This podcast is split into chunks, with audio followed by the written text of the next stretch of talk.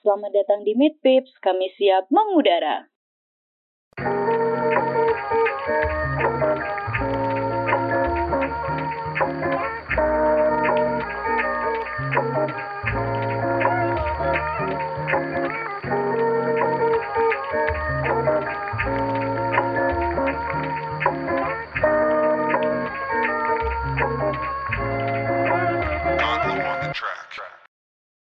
Halo Sobat Pipers, balik lagi di podcast PPT Cungdu, pastinya di Meet Pips bareng gua Salma. Ya, gue Adi. Ih, lu kenapa, Di? Lemes banget, ih. Gue lagi bete banget, Mak. Kayak tahun depan tuh gak bakal ada anak murid baru deh. Gue tuh bete banget. Kan lagi corona so ya. sih. Lu tuh dari kemarin tuh so tau banget, so tau banget. Lagi corona, Mas. Siapa yang mau... mau, mau Ih, enggak gitu teorinya, Adi. Bukan berarti kalau ada corona nggak ada mahasiswa baru. gimana? Kan kemarin kita PPT Cungdu udah ngad- ngadain penyambutan maba. Jadi udah pasti tuh bakalan ada maba baru. Namanya maba pasti baru ya. Jadi pasti ada di. Oh iya. Iya beneran. Coba deh, coba gini aja deh, biar eh, biar enak nih. Eh, gimana kalau kita sapa sobat keepers yang ada di rumah, terutamanya bagi eh, teman-teman yang baru aja join di keluarga besar dari provinsi Sichuan, terutama di kota Chengdu. Gimana kalau kita sapa dulu teman-teman sobat keepers? Gimana nih? Boleh, boleh. Nah, buat kalian semua, buat sobat Pipers yang lagi dengerin di rumah atau di mana pun kalian berada, aku cuman mau uh, ngucapin selamat datang dan selamat bergabung di keluarga besar PPT Chengdu. Selamat bergabung, semoga kalian semua betah nantinya di Chengdu. Wih, gue udah semangat lagi nih, Mak. Gue pokoknya buat temen-temen semua, gue bakal tunggu kalian di Cangtu deh. Gue gue soalnya nungguin kalian banget. Pasti. Harus banget, kita harus nanti bikin acara yang gak online nih. Jadi kita harus bikin acara yang bener-bener ketemu biar kita bisa saling kenal, bisa saling tahu gitu. Eh, BTW, hari ini kita mau ngobrol sama siapa sih, Mak? Gue belum tahu loh. Nah, hari ini kita bakalan ngobrol sama cewek yang paling paling paling hit, paling kece, paling cantik, paling paling deh pokoknya mah. Oh iya. Siapa nih? Iya. Ada temen-temen kita semua, temen sejuta umat lah pokoknya mah. Langsung aja ya kita panggil orangnya. Ini dia Kafelia. Uh. Halo. Aduh, Oh. sebenarnya tidak seperti itu juga ya, Ma. Nggak cantik-cantik amat. Aduh, semua wanita itu cantik kakak. Jadi pasti Iya. cantik lah. Betul sekali. Halo, halo. Kak, halo Kak Felita. Kak Felita, apa kabar nih Kak Felita? Baik, baik. Kalian gimana nih di tengah-tengah corona ini? Baik. Alhamdulillah baik.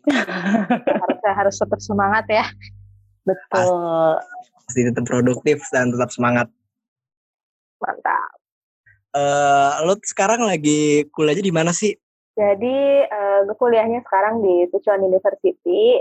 Itu ambil jurusan International Business and Management. Tahun ketiga semester 6. Ya ya Itu Eh, gue kemarin btw habis ngulik-ngulik IG lo dikit nih ya. Boleh, boleh. Lihat beberapa. Lo ternyata ikut beberapa, gue nggak tahu juga sih ini event atau apa pun. Lo ternyata ikut AFS Italia tahun di tahun 2000 2015. Terus ada Wakazo Project sama ini di Rusia. Gue nggak tahu sih ini bener apa nggak tulisannya. Mariski, Gosudar Teveni, Universitet. Lo bisa jelasin dikit gak sih kayak eh, ini tuh event apa aja dan timeline lo ikut ini tuh gimana sih kayak urutannya gitu. Oke, pertama eh, apa namanya? Bagus di bisa dibaca dengan baik dan benar ya. Bacaannya betul kok. Eh harusnya betul, harusnya betul tuh. Betul lah kayak gitulah ya. Oke Boleh, lah gitu. Ngerti deh orang-orang sana. Kalau mendengar kasih gue beasiswa untuk ke Rusia. Iya barangkali ya. barangkali ya Sal. Amin kita aminin. Barangkali lu mau suatu saat. Eh, jadi itu eh, garis besarnya kali ya. Kalau misalnya AFS AFS Italia itu di tahun 2014-2015 itu gue kepilih nih eh, setelah seleksi yang panjang.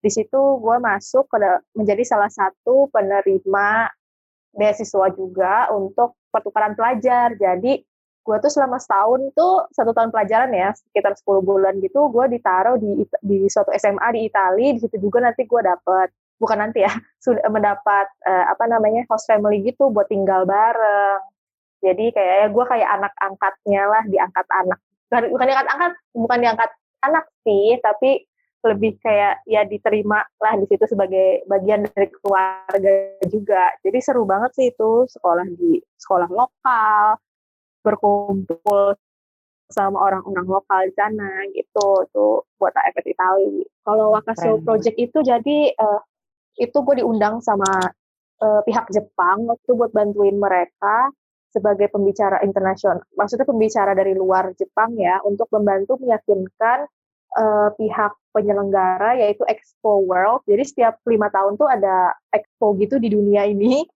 yang berganti-ganti tempat. Nah untuk tahun 2025 itu Osaka saat itu menjadi salah satu kandidatnya dan uh, senengnya lagi nih sekarang sudah terpilih jadi tahun 2025 uh, World Expo bakal diadakan di Osaka nih gitu. Dan untuk satu lagi ya dan untuk Mariski Gasudantrini University itu aku waktu itu sekolah di sana sih selama satu tahun setengah. Mendapatkan beasiswa uh, dari pemerintah Rusia selama ya untuk sekolah bahasa gitu guys. Berarti lo banget. Di Itali juga dapat keluarga baru nih ya, berarti asik banget. Uh -uh, dapat keluarga gitulah. Manggilnya juga kebetulan papa mama gitu, jadi seru-seru. Uh, terus tadi kan lo bilang ya, untuk yang di Rusia itu tuh, uh, lo cuma kelas bahasa doang. Lo emang nggak ikut untuk kayak misalnya lo lanjut lagi setelah bahasa apa daftar ke kampus kampusnya lagi melanjutkan gitu emang enggak atau gimana? Sebenarnya gue tuh udah uh, apa udah keterima selama empat tahun di sana jadi sama kelas bahasa itu lima tahun totalnya. Nah, tapi setelah gue belajar bahasa, itu tuh kan uh, eh, gue tuh tadinya mau ngambil kayak ilmu politik gitu. Nah, setelah apa namanya uh, udah mau masuk gitu, gue mikir-mikir lagi. Sebenarnya gue kayaknya nggak suka-suka amat gitu tentang politik dan hmm, gue kurang serak sih kalau emang bakal empat tahun di sana buat ngejalanin itu karena emang gue menyadari kayak eh kayaknya gue kurang suka sih sebenarnya politik kayak gitu nah dari situ gue mulai mikir-mikir uh, ya udah kalau emang nggak suka kenapa harus dilanjutin bener gak dan gue waktu itu hmm. posisi di mana sekolah bahasa gue persiapan bahasa gue tuh udah selesai jadinya kayak hmm, let's think about it again. Terus ya udah deh akhirnya gue memilih untuk nggak melanjutkan buat sekolah yang kuliah benerannya ya di sana. Oh, gitu iya, iya. deh and here I am now. Tapi keren lah keren lah pokoknya dengan yang udah lalui untuk mendapatkan itu semua. Nah menurut lo gimana nih mak?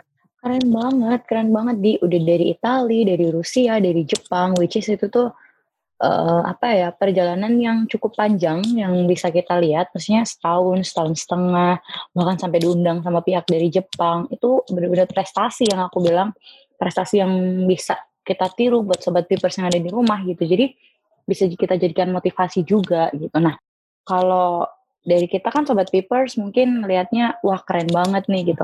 Terus motivasi kakak sendiri tuh sebenarnya apa sih yang bikin kakak tuh uh, bisa ngejalanin ini semua gitu? Motivasinya, motivasinya itu awal-awal sih kayak itu ya. Uh, kan dari dulu tuh gue nggak pernah keluar negeri. Nah, sebelum jadi ke Italia itu gue pertama keluar pertama kali ke luar negeri, percaya nggak? Dan Gila, itu pertama tuh ke Italia, guys. Ya, aku tuh nggak pernah keluar negeri sebelumnya. Jadi kayak apaan sih keluar negeri kayak gimana sih? Dan waktu itu juga pengen tahu gitu kayak oh dunia luar nih Eropa tuh jauh banget gak? Kayak dulu tuh gimana ya? Gue mikirnya kayak oh, Eropa tuh jauh banget dan emang jauh sih. Tapi maksudnya kayak ya nggak pernah kepikiran lah gitu bakal ke sana. Nah waktu itu ada uh, dari AFS-nya pihaknya datang ke sekolah gue buat presentasi kalau ada program ini ya udah gue langsung kayak berbinar-binar gitu oh bisa ya kan seleksinya panjang juga jadi lumayan kayak down. Bukan down sih kayak ah ya udahlah mungkin belum tentu keterima sih tapi ya at least sudah nyoba gitu. Gue mikirnya gitu iya, doang iya, sih. Oh keren banget sih kak. Terus uh, waktu itu kakak sendiri uh, ngerasa nggak sih kegiatan-kegiatan ini tuh menurut kakak penting nggak buat kelanjutan I mean kita cewek nih ya kelanjutan karir atau mungkin uh, ke jenjang yang berikutnya tuh menurut kakak penting gak sih kak kegiatan-kegiatan kayak gini tuh? Penting sih, penting banget. Nggak hanya cewek cowok ya menurutku kayak apa ya dengan kalian tuh berani satu sih kalian kan pertama kali pergi ke sana sendirian ya ini kan nggak ada siapa-siapa hmm. maksudnya orang tua kita nggak ikut ya pokoknya ya udah hmm. di keluarga kita cuma kita doang gitu biasanya kita mungkin pagi-pagi dibangunin sama mami gitu kan iya, iya ngerti, ngerti ngerti ngerti ngerti ngerti ya masakin lah sayur yang udah kita udah tahu rasanya masih enak gitu. Dan ini kalian yeah. tuh kayak menantang diri sendiri buat kayak lu cabut nggak kenal sama orang nggak kenal bahasanya kulturnya dan di situ lu di challenge buat paham dan apa ya dengan itu menurut gue outcome-nya itu banyak banget. Dari lu jadi tambah berani lu juga jadi tambah terbuka pikirannya lu juga Betul. tambah tambah pengetahuan di culture di bahasa. Pokoknya banyak banget ya untungnya terus uh, kakak pernah gak sih uh, get pressure gitu? Maksudnya pertama kali di usia 2015 tuh masih bisa dibilang usia yang cukup apa ya? Masih proses yang ibaratnya kalau kita bilang tuh proses kita mau menganjak dewasa beranjak dewasa gitu kan masa transisi lah ibaratnya. Itu pernah nggak sih kak uh, ngerasain pressure kayak kenapa sih gue datang ke sini? Aduh mungkin kayak pressure-nya kayak jauh dari keluarga atau apa gitu. Pernah ngerasa kayak gitu kak?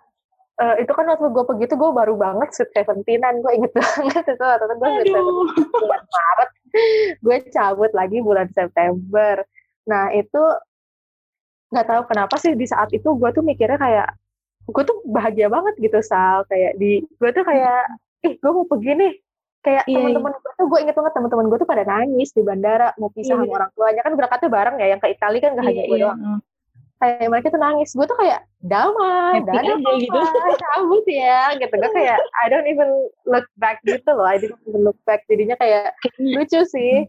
Tapi gue emang yakin tapi di tengah-tengah itu pastilah gue ada kayak ngerasa ada. kayak oh kangen rumah. Bener gak sih? Hmm. kayak kan pastilah ada betul, betul. di satu titik gitu di mana iya ampun gue gak ngerti apa apa sih ini orang andai mereka bisa ngomong bahasa Indonesia sini gue ceramahin gitu sini gue kasih tahu jawabannya gitu kan tapi kan gue hmm. gak bisa jadi gue jadi diem aja gitu orang ngomong apa gue juga senyum-senyum aja gitu deh Bener sih kak, bener banget. Mungkin juga buat sobat pers yang ada di rumah yang lagi mungkin udah ngejalanin di Cina udah beberapa tahun juga pasti ngerasain hal yang sama ya kak. Kayak awal-awal tuh excited banget pasti apalagi yang masih muda-muda yang bener-bener masa transisi. Ketika mereka baru mau berangkat tuh pasti kayak ngerasa iya gue berangkat loh. Kayak I'm proud uh, kayak bener-bener dia tuh proud uh, sama themselves gitu loh. Kayak ya gue bisa berangkat ke Cina gue bisa menemukan kehidupan yang baru, mungkin akan menjalani kehidupan yang baru, padahal mereka nggak tahu apa yang akan mereka hadapi di depan kayak sesusah apa gitu kan. Pasti pasti adalah termasuk gue salah satunya yang awal berangkat tuh kayak apaan sih orang-orang pada nangis kok? Gue kayak air matanya nggak mau keluar, air mata tuh sedikit aja mau keluar. Kayak betul betul betul. gue pergi mau belajar. Ternyata kayak gitu. lu nggak kesannya lu kayak gak sayang sama keluarga lu ya? Bener kayak, banget. Mama aku juga ngapain gitu. Seneng lu ya keluar dari rumah gitu. Iya bener banget ya Tuhan. Sampai tapi ada sih kak fase di mana ketika sudah sampai terus nggak ngerti bahasa terus pengen makan ini pengen makan itu ngerasa gila rumah Harga. tempat terbaik bener-bener rumah tuh adalah ya rumahnya rumah ya iya bener gitu. Nah, kalau kan bilang uh, bahwa ini tuh uh, walaupun apa ya, walaupun berasa struggle segala macam, tapi kan ini penting banget ya dan positifnya tuh banyak banget. Nah, penting. Menurut lo nih ya, menurut lo uh, buat anak milenial zaman sekarang nih kan menurut gue ya kayak di zaman-zaman gue ini nyari beasiswa itu kayak di IG aja ada di website kayak gampang banget diakses. Menurut lo buat anak milenial zaman sekarang tuh uh, dengan mudahnya mendapat informasi ini menurut lo justru bakal lebih sulit atau justru mempermudah sih? Oke, untuk uh, mungkin kalau misalnya seleksinya gue kurang tahu ya, mungkin karena semakin banyak orang yang daftar, mungkin semakin ketat seleksinya. Yeah. Tapi di saat ini juga gue ngerasa beasiswa makin banyak sih, kesempatannya makin banyak juga. Jadi jangan takut buat memulai, jangan insecure duluan gitu ibaratnya ya nggak sih? Kadang kita ngerasa kayak gila insecure ah gue gitu. Daripada udahlah kadang-kadang pikiran kita kan gini kan jahatnya. Udahlah daripada gue capek-capek nyelesain berkas ntar juga gak keterima. Padahal itu tuh salah banget. Menurut gue lu bisa berhasil kalau lu mau repot gitu. Jadi ya Betul. kerjain aja gitu. Justru jangan mikir kayak kalau gue nggak dapet ngapain nih sia-sia tapi lu mikir kalau kalau gue dapet apa yang bakal gue da apa yang bakal gue terima gitu dengan itu lu semakin menggebu-gebu bener gak sih kalau lu mikir udah insecure duluan kan sulit Betul, semua pasti terbayar gitu. Semua usaha tuh pasti terbayarkan. Betul betul. Uh, bos sobat pipers tuh ya boleh ditiru lah Kavelita. Kita juga jujur sampai sekarang mungkin bukan maksudnya pas kita awal-awal dulu kuliah di China gitu pas baru nyampe kayak mau pesan makan juga bingung gak sih gitu kayak Aduh, kayak cek-cek-cek gitu-gitu loh. iya sih itu pastilah struggle gede kan kan di awal banget. hal-hal kayak gitu nggak perlu ditakutin gitu kayak coba aja dulu kayak nggak ada salahnya dan nggak dosa gitu loh buat mencoba Betul. Coba itu nggak dosa, guys. Ya, asal jangan coba yang aneh-aneh ya. Oh iya. Ini beda tanda lagi. kutip ya coba Konteksnya ya beda lagi. konteksnya beda lagi konteksnya beda lagi Betul, betul. Ini maksudnya coba buat eh, eksperimen yang baru, eh, experience bukan eksperimen guys, experience yang baru. Jadi, I mean kayak pergi ke negara orang itu nggak selamanya menyeramkan gitu loh. Jadi banyak hal yang bisa kalian pelajari, banyak hal yang bisa kalian dapetin gitu. betul betul betul Tuh. Eh, berarti lo kan udah ke mana-mana nih kak Eh, udah ke Italia, Jepang, Rusia, dan masih banyak negara lain yang mungkin nggak bisa gue sebutin. Nah, yang membuat lo akhirnya lo akhirnya kayak memilih buat kuliah di Cina tuh apa sih? Nah, itu kan tadi yang gue bilang. Jadi, eh, mungkin beberapa orang udah tahu dulu tuh gue pengen jadi dokter kan. Aduh, beneran. iya, salah. Terus kayak, ya pun ternyata kayaknya gue jadi dokter juga kayaknya kagak cocok-cocok amat gitu kan. Gua tuh, tapi gue tuh sampai SMA, lulus SMA itu ya, gue tuh masih pengen gitu. Bukan pengen ya, sampai di Italia itu sih gue baru berpikir gitu, nyampe Italia kayak, oh ya kayaknya gue kagak paham, kagak cocok-cocok amat nih jadi dokter kayaknya. Harus ngapain ya gue gitu. Nah makanya waktu itu ke Rusia dulu kan Iya. kayak sambil lihat-lihat juga oh ada apa ternyata politik juga gue gak suka nah pas gue pulang dari Rusia itu gue udah mulai kepikiran nih oh bisnis nih kayaknya udahlah bisnis mah sama manajemen kan gue suka kayak nge-manage manage apa gitu gue kayak bisa sih mau pengen banget belajar kayak tentang perusahaan itu kayak gimana apa segala macam nah kepikiran deh untuk lanjutin ke negara lain selain Rusia atau Italia tadi nah terus ya mungkin eh, apa ya ada bantuan juga dari dari Tuhan kayaknya ya. Jalan Tuhan gitu. Jalan nih. Heeh, dikasih jalan nih tiba-tiba mami gue dapat broadcastan. Eh, apa namanya? Ada nih stu- studi ke China. Tapi beneran loh, emang lucu ya kayak dari broadcast doang, tapi kayak Ini broadcast loh. Iya kan, kayak itu random. Jadi informasi bisa datang dari mana pun ya kayak Dat- broadcast. datang dari mana pun. bisa, dari IG bisa, dari mana aja. Yang penting kayak follow, ya diikutin aja gitu kan. Terus gue mikir kayak, Hmm. mami gue juga udah, udah bilang kan kayak, iya kamu tuh udah udah jalan-jalan terus gitu. Kayak waktu kan gue jadi hitungan kayak gap year kan. Teman-teman aku tuh Iya. udah kayak semester 4 gitu loh kuliahnya dan gue baru kayak mau milih gitu mana gitu. Oke akhirnya gue pilih apa ya yang bisa gue seriusin dan kira-kira gue memang pengen banget suka banget. Ya udah kalau mau belajar bisnis ya emang paling bagus ke China kan. Emang dapat juga tuh ada informasi broadcastan eh dapat beasiswa pula. Jadi. Jadi jalan Tuhan guys. betul betul betul betul. Benar-benar. oh. Eh, sedikit ini tadi kan lu bilang berarti lo kayak awalnya lo awalnya itu justru lo di IPA ya lo pengen jadi dokter gitu gitu. Nah, Eh, berarti ini lo mengikuti ini kayak mengikuti kegiatan-kegiatan ini selain satu juga bermanfaat buat lo akhirnya juga bermanfaat di di pe- pembentukan apa ya pembentukan lo nya akhirnya lo bisa memilih lo menemukan passion lo yang di Benar. manajemen ini ya ternyata. Kayak selalu ada Betul manfaatnya gitu itu Nah. ngerasa kayak apa ya kita kayak explore diri kita gitu loh. Heeh.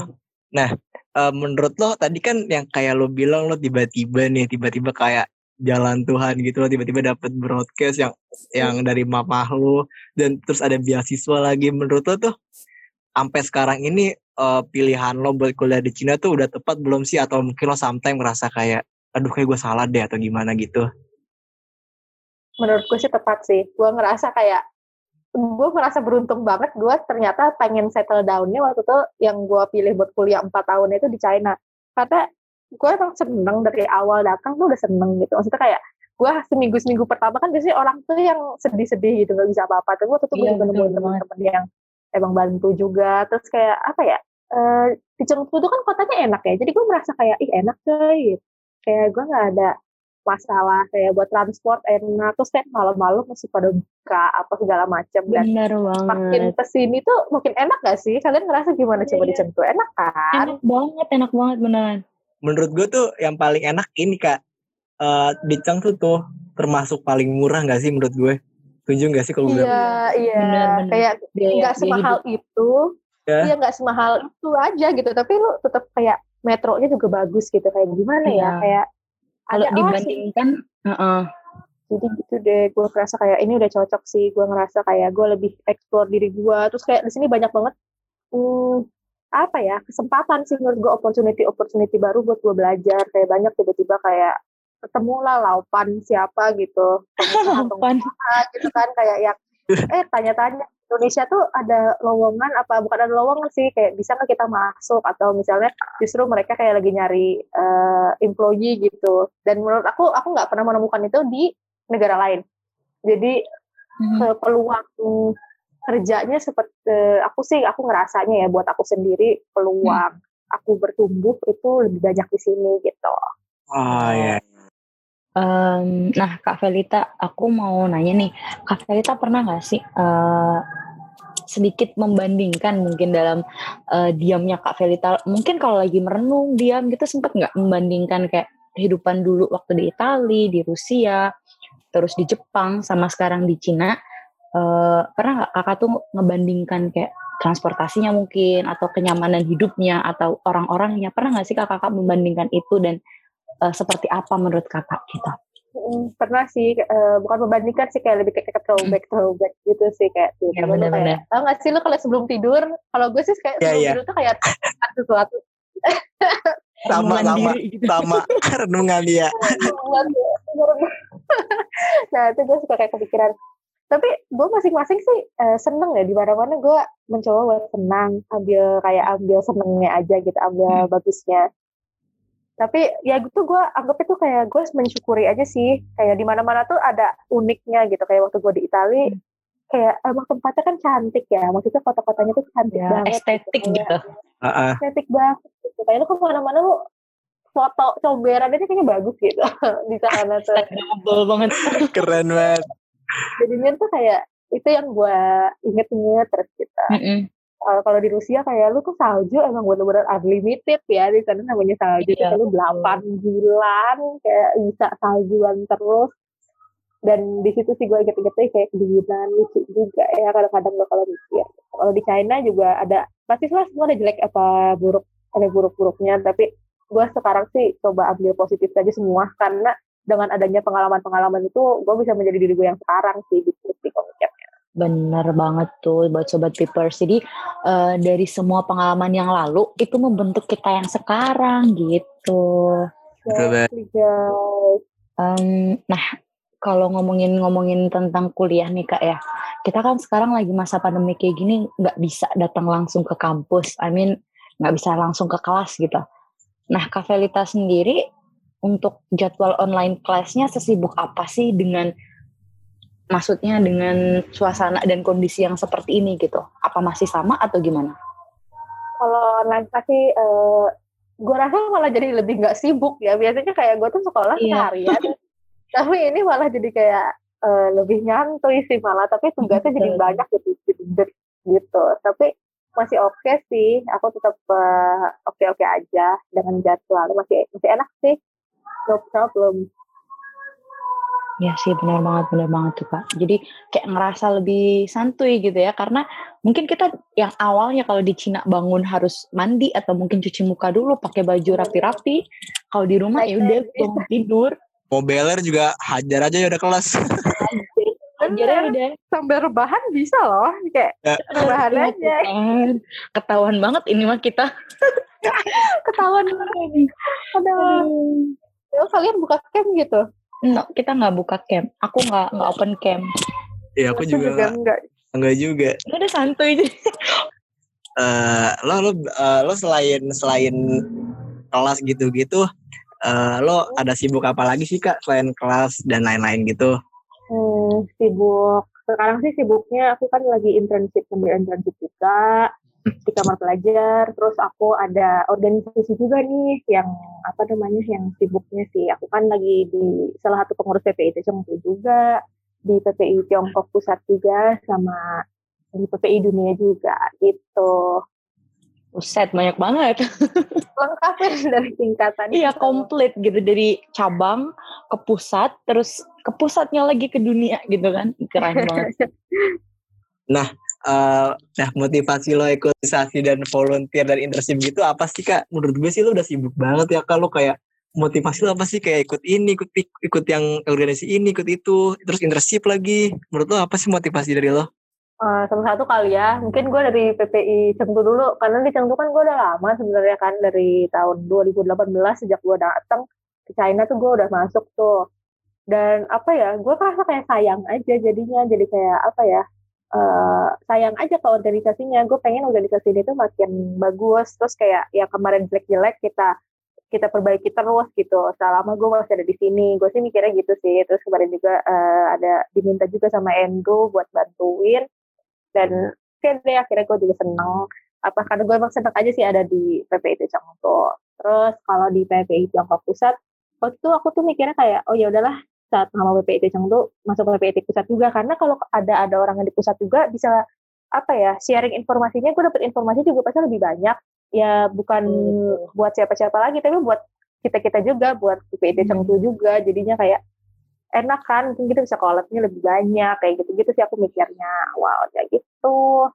Komunikasinya Terus, bisa lebih cepat benar kayak oh di satu tuh kan kadang kita banyak informasi ya yang aku pengen juga deh masuk ke PPD pusat juga pengen tahu sih gimana sih cara kerjanya apa sih yang beda dari Betul. pusat apa cabang apa sih yang bisa aku kasih ke mereka dan apa sih yang bisa aku dapetin dari mereka buat aku nanti kasih lagi ke kalian semua kayak gitu aku mikirnya. Hmm. jadi ya win-win. Win solution. Win-win solution. Mantep lah pokoknya mah. Nah dengan banyaknya yang lo ikutin itu kan pasti lo ketemu orang baru dong lo ketemu lingkungan baru dan pastinya organisasi A dan organisasi B tuh punya workflow-nya masing-masing yang pasti beda gitu. Oh, lo lo pernah nggak sih kayak ngerasa stres atau kayak merasa annoying dengan perbedaan itu dan gimana cara lo apa ya menanggapinya? Hmm. Kalau perbedaan sih banyak ya, uh, apalagi semakin gede biasanya kan semakin banyak tahapannya gitu. Tapi mm. gue malah emang gue dari awal ikutan kan gue kan penasaran ya, gue pengen tahu eh, gimana sih ini workflow di sini gitu nanti workflow di sana kayak gimana gitu. Gue tuh pengen penasaran apalagi di PPI dunia juga kan tadi uh, apa namanya gue juga diamanahi langsung gitu kan sama hmm. pengurus sebelumnya buat masuk. Dan gue tuh penasaran tuh sebenarnya kayak di organisasi sebesar ini, sebanyak ini negaranya yang ikut kayak di berbagai benua ada. Tuh hmm. apa sih sibuk bedanya tuh apa gitu sama PPT Cengdu dan banyak banget perbedaan yang bikin gue kayak oh gini toh. Nanti di internship juga beda dan itu sama sekali nggak annoying buat gue karena gue belajar banyak jadinya gue sih anggapnya gini nanti suatu saat waktu gue udah kerja gue jadi tahu workflow beberapa organisasi atau apa ya institusi yang pernah gue jalanin jadinya gue bisa lebih banyak aja pengetahuannya gitu benar hmm. jadi lebih nggak ke annoying ya kak lebih ke you learn from that gitu jadi Benar. bukan malah dibikin kayak annoying atau you stressful with the situations tapi lebih ke ya we learn kayak sambil berjalan kita belajar sambil tahu oh iya ini ini gitu. Mungkin ya mungkin gambarannya seperti itu kali ya. Bener-bener bener banget lah jadi kayak ya belajar aja sih. Aku penasaran juga kadang-kadang kayak pengen tahu nih lihat nih gimana sih cara memimpin yang baik dan benar. Tiap pemimpin kan beda ya biasanya ya. Betul, betul. kalau tuanya ini beda caranya. Ya aku tuh pengen tahu juga gimana sih nih pemimpin-pemimpin maksudnya uh, cara memimpinnya gimana apa yang bisa aku pelajari dari mereka gitu. Betul betul banget sih kak. Jadi uh, aku mau sedikit uh, bertanya nih ya. Kakak kan maksudnya udah sekarang lagi ada di PPT Chengdu ada di PPT pusat terus ada di PPT dunia gitu. Nah uh, kakak sendiri selama mungkin belum ada satu semester ya kak baru setengah mungkin setengah semester. Ya baru berjalan satu setengah semester ini kakak ngerasa I mean, uh, ada gak sih yang kakak merasa, ya gue banyak belajar di sini. Maksudnya titik di mana kakak merasa, iya organisasi ini memberikan gue banyak pelajaran yang belum pernah gue dapat sebelumnya gitu. Ada nggak titik itu gitu? Ada ada. Kayak apa ya pemanage waktu aja. Itu yang simpel kan karena kebayang ya kadang-kadang kita satu PPIT Cengtul aja suka rapat ya bener nggak? Betul. Rapat nanti ada rapat media aja dan nanti ada rapat BPH aja gitu. Kan nanti rapat bersama. Nah ini kayak kebayang kalau ada banyak kan? Rapatnya banyak karena kita anggota dari banyak divisi jatuhnya. Memanage waktu itu satu dan komunikasi. Jadi kayak lu tuh gak udah diem diem baik gitu. Kalau misalnya lu emang nggak bisa ya lu harus komunikasikan cari jalan tengah. Jadi tuh semuanya hmm. bisa work gitu. Jadinya uh, everything will work dengan seharusnya. Jadi kayak kadang-kadang kan suka ada ya rapat ini dan ini bentrok gitu. Oke kita cari jalan tengahnya. Mana nih yang kira-kira lebih fleksibel? Misalnya yang satu cuma rapat BPH satu rapat nasional gitu PP itu yang ke pusat. Ya kita coba omongin sama PPT Cang tuh karena BPH doang orangnya cuma lima. Jadi mungkin kita bisa ngobrolin lagi kayak gitu jadi cara komunikasi yang baik, cara memanage waktu itu sih yang benar-benar aku ngerasa kayak tek, gila manage waktu tuh nggak semudah itu kadang-kadang. Benar, benar, benar, benar. Nah, uh, ngulik sedikit nih dengan kesibukan kakak yang begitu sibuknya dengan sekolah, organisasi, mungkin pernah nggak sih ada rasa yang kehidupan pribadi kakak tuh terusik contoh kayak waktu dengan mama atau quality time buat diri sendiri kayak buat ya mungkin sleeping time-nya atau mungkin sama doinya atau apa gitu pernah nggak sih ngerasa terganggu gitu? Kalau untuk saat ini sih uh, enggak ya. Jadi cara aku salah satu cara aku manage juga dengan mengerjakan sesuatu kalau bisa dengan cepat. Cepat bukan berarti nggak bener ya. Jadi kayak gue cari cara nih gimana sih cara ngerjain misalnya suatu masalah bukan masalah ya misalnya kirim email gue harus ada uh, kirim email ke ratusan orang atau gue harus buat hmm. sertifikat nih buat ratusan orang gue cari plugin atau sebuah app yang bisa mengerja, membantu mengerjakan gue mengerjakan itu. Jangan sampai hmm. gue ngerjain itu lama sama hal-hal yang enggak yang seharusnya bisa dibantu dengan mesin gitu.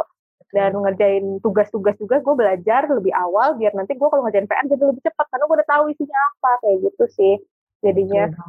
Dengan dengan itu sampai sekarang sih aku masih oke okay sih maksudnya doi juga untungnya paham ya dia juga selalu support Aduh. jadinya jadinya jadinya dia ini sih baik banget. Maksudnya aku kan pasti teleponan malam dan itu pasti setiap hari nggak pernah kelewat. Jadinya itu masih masih manageable dan mm-hmm. apa ya komunikasi sih yang penting. Kalau emang lagi rapat ya kasih tahu aja. Oh kalau lo mau tidur juga nggak apa-apa gitu. Yang penting kita saling tahu. Kalau emang nggak bisa ya ngomong aja. Nggak pernah ada kayak masalah. Kayak langsung hmm. sedih atau langsung marahan gitu. Enggak sih kita kalau bisa ya secara dewasa aja. Itu juga oke okay. orang tua oke okay. masih jalan-jalan juga masih Netflix. Ya bener. Aku sering lihat tuh storynya. Juga. Masih ke kafe masih main. Enjoy your life lah intinya mah. Bener jangan sampai kita keseringan apa nggak balance nanti life-nya. Kan kasihan hmm. ya Nah, uh, berarti intinya keluarga support, mama papa support, doi juga support. So, uh, buat sobat Pipers mungkin dari cerita Kak Verita kita bisa sedikit menarik uh, bahwa di sini tuh kuncinya itu cuma komunikasi yang baik, kepercayaan, terus sama kitanya, tergantung kitanya nih. Kita tuh uh, sesibuk apa pun kalau kita masih bisa manage waktu, masih menjaga komunikasi yang baik dengan siapa pun orang sekitar, pasti semuanya berjalan dengan seimbang dan ya yeah, everything's gonna be alright gitu loh. Jadi nggak nggak nggak mesti kalau kita sibuk kita mengorbankan seseorang atau mengorbankan mungkin kehidupan pribadi kita gitu. Bener, pokoknya harus imbang semuanya. Jangan sampai time-nya harus dapet. Bener, nanti stres malahan kalau nggak ada me Iya bener banget. nanti stres nggak jadi kerjain A, B, C-nya malah gila sendiri kan ntar. bener, bener. Nanti malah bubar semua tetap harus ada sempat-sempatin deh mendingan gitu. Hmm, benar. Mungkin hobinya nonton bisa nonton kayak malam atau mungkin kalau lagi eh, nggak uh, sibuk banget luang semenit dua menit boleh lah lihat-lihat something that you like kayak maksudnya bikin kamu fresh lagi gitu. Bener-bener nah uh, pasti banyak banget Maya sobat tipers tuh yang kayak abis denger denger cerita lo denger cara lo memanage waktu dan segala macemnya. Uh, menurut lo lo ada gak sih tips dan trik itu secara langsung buat teman-teman yang kayak pengen kayak lo entah mungkin cara lo berorganisasi ataupun kayak uh, mereka yang kayak pengen kayak lo keluar di luar kuliahnya tuh di luar negeri terus jalan-jalan dan bisa dibilang jalan-jalan itu disponsorin gitu segala macam ada gak sih tips dan trik dari lo? Tipsnya harus aktif ya harus aktif nyari. Bener-bener ini mah harus kalian tuh aduh sangat-sangat berdedikasi nyari. Karena kadang-kadang itu tuh nggak nggak nggak bukan kalian yang dengar sendiri gitu bukan opportunity yang nyamperin kalian. Jadi kalau tentu aja aku dapat jalan-jalan ke Paris itu ya itu nyari. Itu dari mana? Dari Instagram. Jadi aku cari aja keyword-keywordnya tag-tagannya kayak apa ya? Yang study abroad apa ada apa namanya travel and study kayak gitu-gitu. Nah itu kalian harus benar-benar cari di Google tuh banyak tapi itu nggak akan keluar kalau kalian nggak ketik kan. Jadinya benar-benar harus cari sih gitu. Dan kalau mau aktif dan kalau mau aktif organisasi juga harus dari kemauan kita. Jangan apa ya ya itu tadi uh, kita harus penasaran sendiri kenapa harus ikut harus tahu apa yang bakal kalian berikan dan apa kalian juga paham gitu ke kewajiban kalian. Jangan sampai hanya pengen ikut aja udah ikut dilupain kewajibannya. Itu jangan banget. Jadi iya, kayak banget. Bener hmm. kan ada kadang-kadang kayak gitu. Nah kalau bisa jangan kayak gitu ya teman-teman. Jadi kalau emang pengen ikut harus give your 100% gitu. Di semuanya gitu. Nggak boleh baperan. Ya. karena itu juga udah masuk piring ya. Misalnya kalau udah masuk organisasi tuh kita udah harus profesional gitu loh. Temen di luar tapi kalau udah masuk organisasi ya sesuai dengan jabatan dan sesuai dengan porsinya masing-masing. Bukan berarti lu temen gue terus gue permudah gue kesampingkan yang lain. Enggak. Jadi being professional is very important gitu. Maupun itu di cabang pusat ataupun PPT dunia itu udah udah hal yang hakiki nggak bisa dipungkiri lagi gitu benar harus profesional aja sih itu benar-benar sal jadi kayak walaupun di mana aja ya apa namanya kita harus tahu role kita sih gitu. Hmm. Jadi ya suatu saat kalau kita pas lagi di organisasi ya berarti kamu adalah seorang sekretaris kayak gitu. Tapi kalau dulu di luar ya udah kamu Velita temanku gitu, teman curhatku iya, atau kayak gimana gitu kan. Nah, gitu. uh, dari segi, semua organisasi lo kan gue lihat-lihat lo emang jadi anggota yang cukup penting ya.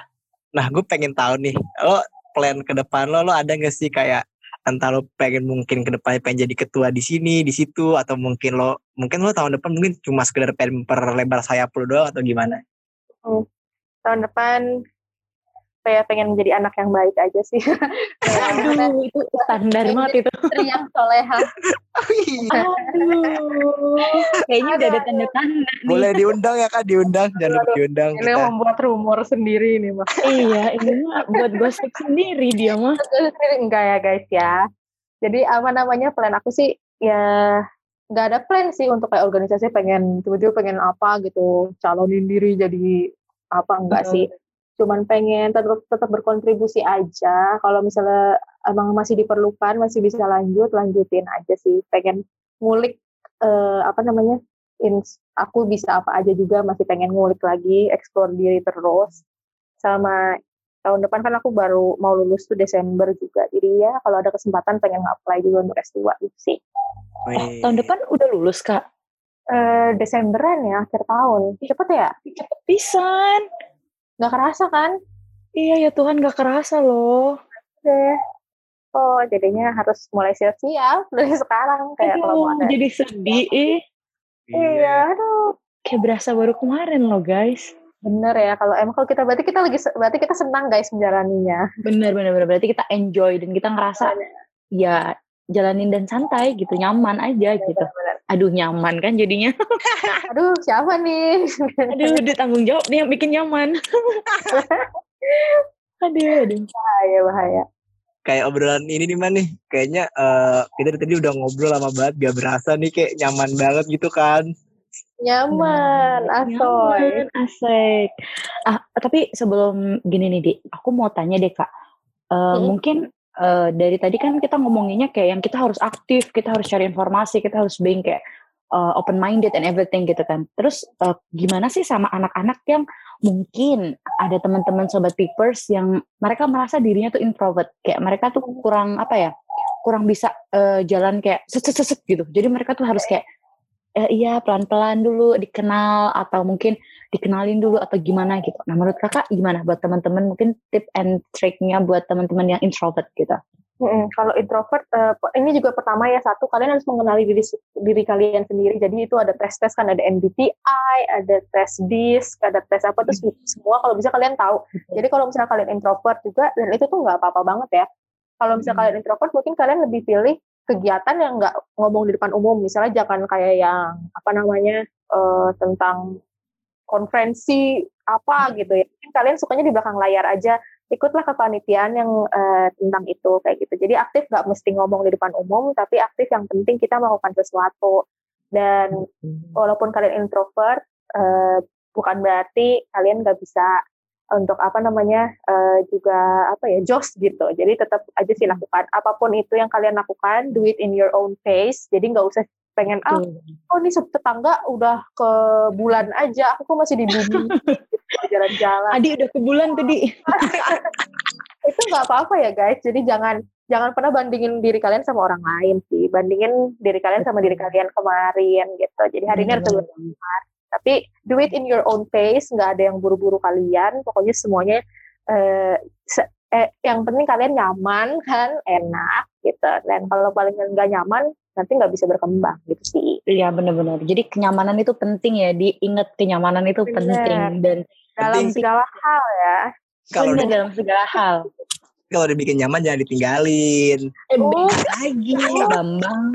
Oh beda ya, oh beda. Oh, Beda kirain sama. Kirain sama. Itu mah curhat gimana nih? Bahaya, bahaya. Kalau maksudnya teman-teman ini yang di luar sana yang merasa dirinya introvert, bukan berarti nggak bisa berkembang ya kak. Jadi lebih ke mengenali diri sendiri dan banyak hal. Maksudnya kayak kontribusi itu nggak selalu harus ngomong. Kontribusi itu bisa melewat tulisan, bisa Benar. lewat kamu bikin poster, kamu bikin apa pun itu, kamu ujian organisasi di belakang layar. Itu udah termasuk kontribusi gitu loh. Dan kontribusi Bener itu nantinya kamu juga bakalan pelan-pelan membangun dirimu buat berkomunikasi karena gimana kamu mau I mean kayak gimana kamu mau publish something kalau kamu gak dapet feedback dari orang dan feedback itu pasti ada kayak maksudnya komunikasi kan Nah, pelan-pelan pasti semuanya bisa kok tuh Betul sekali, Sal. Ah, udah oke oke lah. Gue yakin juga Aduh, nggak ada orang oke. extrovert lah. Iya kan? benar Tapi bener loh, introvert tuh jangan dipaksa gitu. Kayak aku ngerasa sebenarnya introvert itu kan bukan berarti kayak dia diem aja ya, tapi mungkin Hmm. tapi dia tuh kan sebenarnya mendapatkan energi lebih saat dia punya me time, saat dia uh, spend time with themselves gitu. Jadi Hmm. Apa pun kalian, yang penting kalau kalian udah kenali diri sendiri, jadi kalian tahu what should uh, apa ya, what should I do next gitu. Jadi itu sih penting banget kenalin diri kalian sendiri. Udah banyak banget tes-tes gratis nih sekarang di internet ya. betul betul banget gitu. Iya makanya gue kayak gue bilang tadi kayak apa untuk anak milenial sekarang tuh udah dimudahkan banget lah apa-apa nggak nggak susah Kayak- benar-benar di internet gitu loh. Internet sekarang semua ada. Benar-benar semua ada di di Google, di Instagram, di mana pun ada Twitter. Tapi mungkin zaman-zaman kita dulu ya kita tua banget kesannya ya zaman-zaman beberapa tahun ya, yang lalu. beberapa, aduh jangan ngomong umur lah pokoknya mau eh udah Iya. udah ya beda lah pokoknya. beberapa, beberapa tahun yang lalu itu kan kayak kita nggak bisa akses internet semudah sekarang gitu loh. Kayak mungkin Kak Felita waktu ke Itali atau mungkin ke iya pertama ke Italia ya ke Italia tuh Iya, nggak semudah sekarang kali ya informasi dan mungkin bener. Itu informasi masih susah gitu loh, Sal. Bayangin kayak sekarang kan lu pengumuman aja lihat di Instagram ya kadang-kadang ya. Kalau lu menang lomba, lihatnya di Instagram. Ada nggak sih kayak gitu? Suka kan? Ada ada iya iya, betul betul. Dulu tuh dulu tuh gue juga kayak harus masuk website terus kalau misalnya di websitenya belum ada juga kayak harus nungguin tapi nggak tahu kapan bener. Gitu kayak. Terus gue mau ke Italia juga. Sekarang kan enak ya ada Google apa tuh? Bukan Google Maps apa sih yang Google View ya? Google Street View kan? Oh iya iya ada ada. Iya iya iya betul betul betul. Iya zaman dulu mana ada ya. Pokoknya datang kaget ya. oh ini bentukannya gitu. Jadi oh gitu. Baru tahu. Di sana.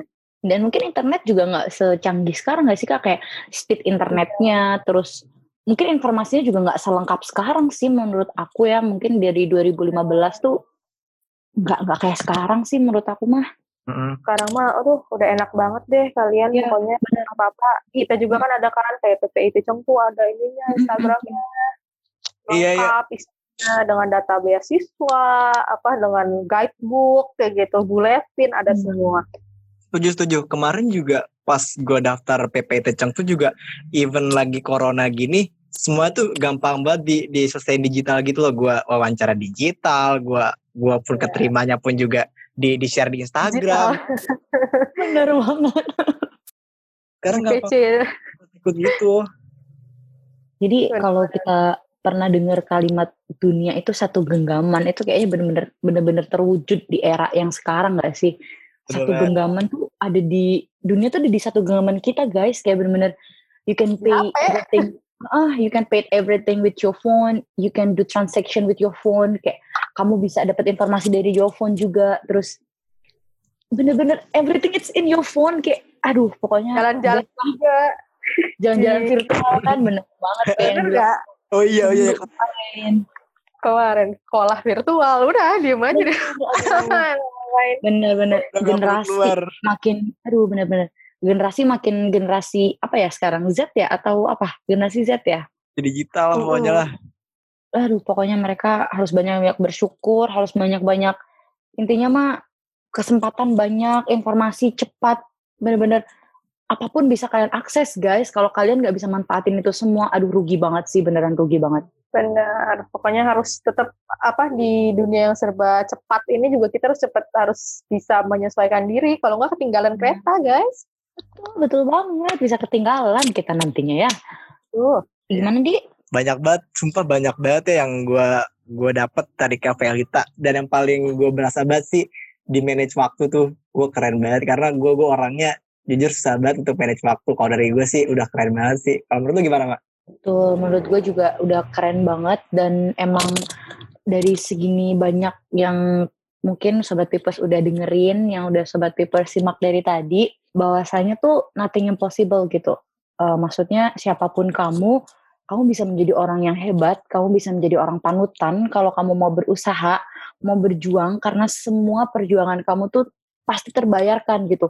Entah sekarang, entah nanti, semua itu pasti terbayar, yakin dan yang paling penting adalah komunikasi yang baik terutama sama orang tua sih. Karena kayak Kak Felita bisa seperti sekarang aku benar-benar yakin itu pasti juga karena support orang tuanya karena oh, dukungan dari mama papanya Kak Felita gitu. Karena eh, nggak mungkin Kak Felita bisa berangkat ke Rusia bisa berangkat ke Italia kalau mama papanya nggak ngizinin bener nggak tuh Betul. betul banget. Pokoknya supportnya banyak banget ya dari orang tua, dari teman-teman juga, dari dibawa dalam doa juga jangan lupa guys. Iya, karena aku banget. percaya semesta ini juga mendengarkan kalian. Tuhan tuh ada ya. Jadinya maksudnya kayak ya kalian pasti bisa melakukan sesuatu juga kan diizinkannya tuh nggak hanya dari kalian sendiri.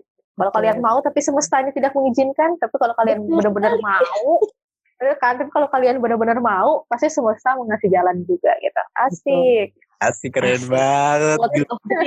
Keren banget asli asli keren banget. asli bener eh. ya pada intinya mah gini di kalau kita ngomongnya baik-baik sama alam maksudnya kayak kayak setiap pagi aja mungkin mengawali hari dengan penuh semangat penuh hal-hal yang baik hal-hal yang ceria lupakan masalah maksudnya bukan benar-benar lupakan ya tapi being peace with everything kayak benar-benar benar aja gitu kayak Tuhan pasti bantu Tuhan pasti eh, kasih yang terbaik buat kita selama kita mau usaha dan doa. Jadi intinya gini eh, kalau lu usaha harus diimbangi dengan doa. Kalau lu berdoa harus diimbangi dengan usaha. Karena doa doang itu kayak nggak ada usahanya ya Tuhan mau ngasih jalan lewat apa gitu. Betul, gimana coy katanya gimana? Pokoknya gini gue lewat mana ini gue lewat mana gitu kan. Terus nanti kalau cuman usaha doang nggak ada doanya ya gimana? Lu berarti meragukan Tuhan dong kayak gue bisa usaha sendiri ibaratnya kayak gitu. So dua hal penting banget sih usaha dan doa. Itu pasti kunci sukses dari semua orang tuh cuma dua ini sih menurut gue. Dan satu lagi sih ada satu yang paling penting. Doa tuh? orang tua dan restu orang tua. Best lah pokoknya mah. Betul. Keren keren keren. asli. Ya, sih. ini mau langsung bungkus apa gimana nih? Boleh lah nih. Gue gue udah bungkus bungkus bungkus bungkus konteksnya beda ya. konteksnya beda konteksnya. Oh, Oke, awas nih, bungkus bungkus aja. beda kakak Nasi bungkus. beda Oh, Nah, em, nah buat sobat Pipers yang ada di rumah, kalau sobat Pipers masih pengen tahu dan masih pengen ngulik tentang Cafe Lita lagi, mungkin sobat Pipers bisa langsung aja kunjungin IG Cafe Lita di @velita_stambar. Nah, di sana teman-teman bisa langsung DM karena I know she is very welcome person, dia benar-benar welcome banget sama orang-orang yang pengen belajar dan orang-orang yang pengen berkembang pastinya buat jadi orang yang lebih baik, buat jadi orang yang lebih lebih lebih lagi. Nah, teman-teman bisa langsung aja DM Kak Felita ya. Dan buat sobat Pipers yang pengen tahu seputar Sichuan dan Chengdu, bisa langsung uh, kunjungin IG kita di @ppt_chengdu atau bisa langsung kunjungin Facebook dan YouTube kita di PPIT Chengdu. Dan jangan lupa baca cerita-cerita menarik tentang seputar kehidupan cinta, kehidupan di Chengdu. Pastinya di website kita di PPIT Chengdu 20. Dan buat teman-teman juga sobat Piper semua jangan lupa follow Spotify kita di Meetpip agar semuanya dapat notification kalau kita lagi ada update. buat yang baru denger Spotify atau baru kenal Spotify nggak usah takut kalian bisa dengerin podcast kita tanpa harus bayar premium pokoknya udah enak banget oh ya btw Kak Feldia tahu nggak eh, apa tuh eh, biar Jargon kita. Coba dong, contohin dulu. nanti sama bakal bilang meet tips nah nanti kita bakal bilang kami siap mengudara Siap. Oke, yuk kita langsung cobain Ya, Ma, ya. Ma. oke oke Meet Pip. Kami, kami siap mengudara Keren banget. Thank you for coming today, Kak Felita. Thank makasih you so Kak much. Makasih semuanya Makasih juga di. Bye bye. See you all. bye bye Bye. you.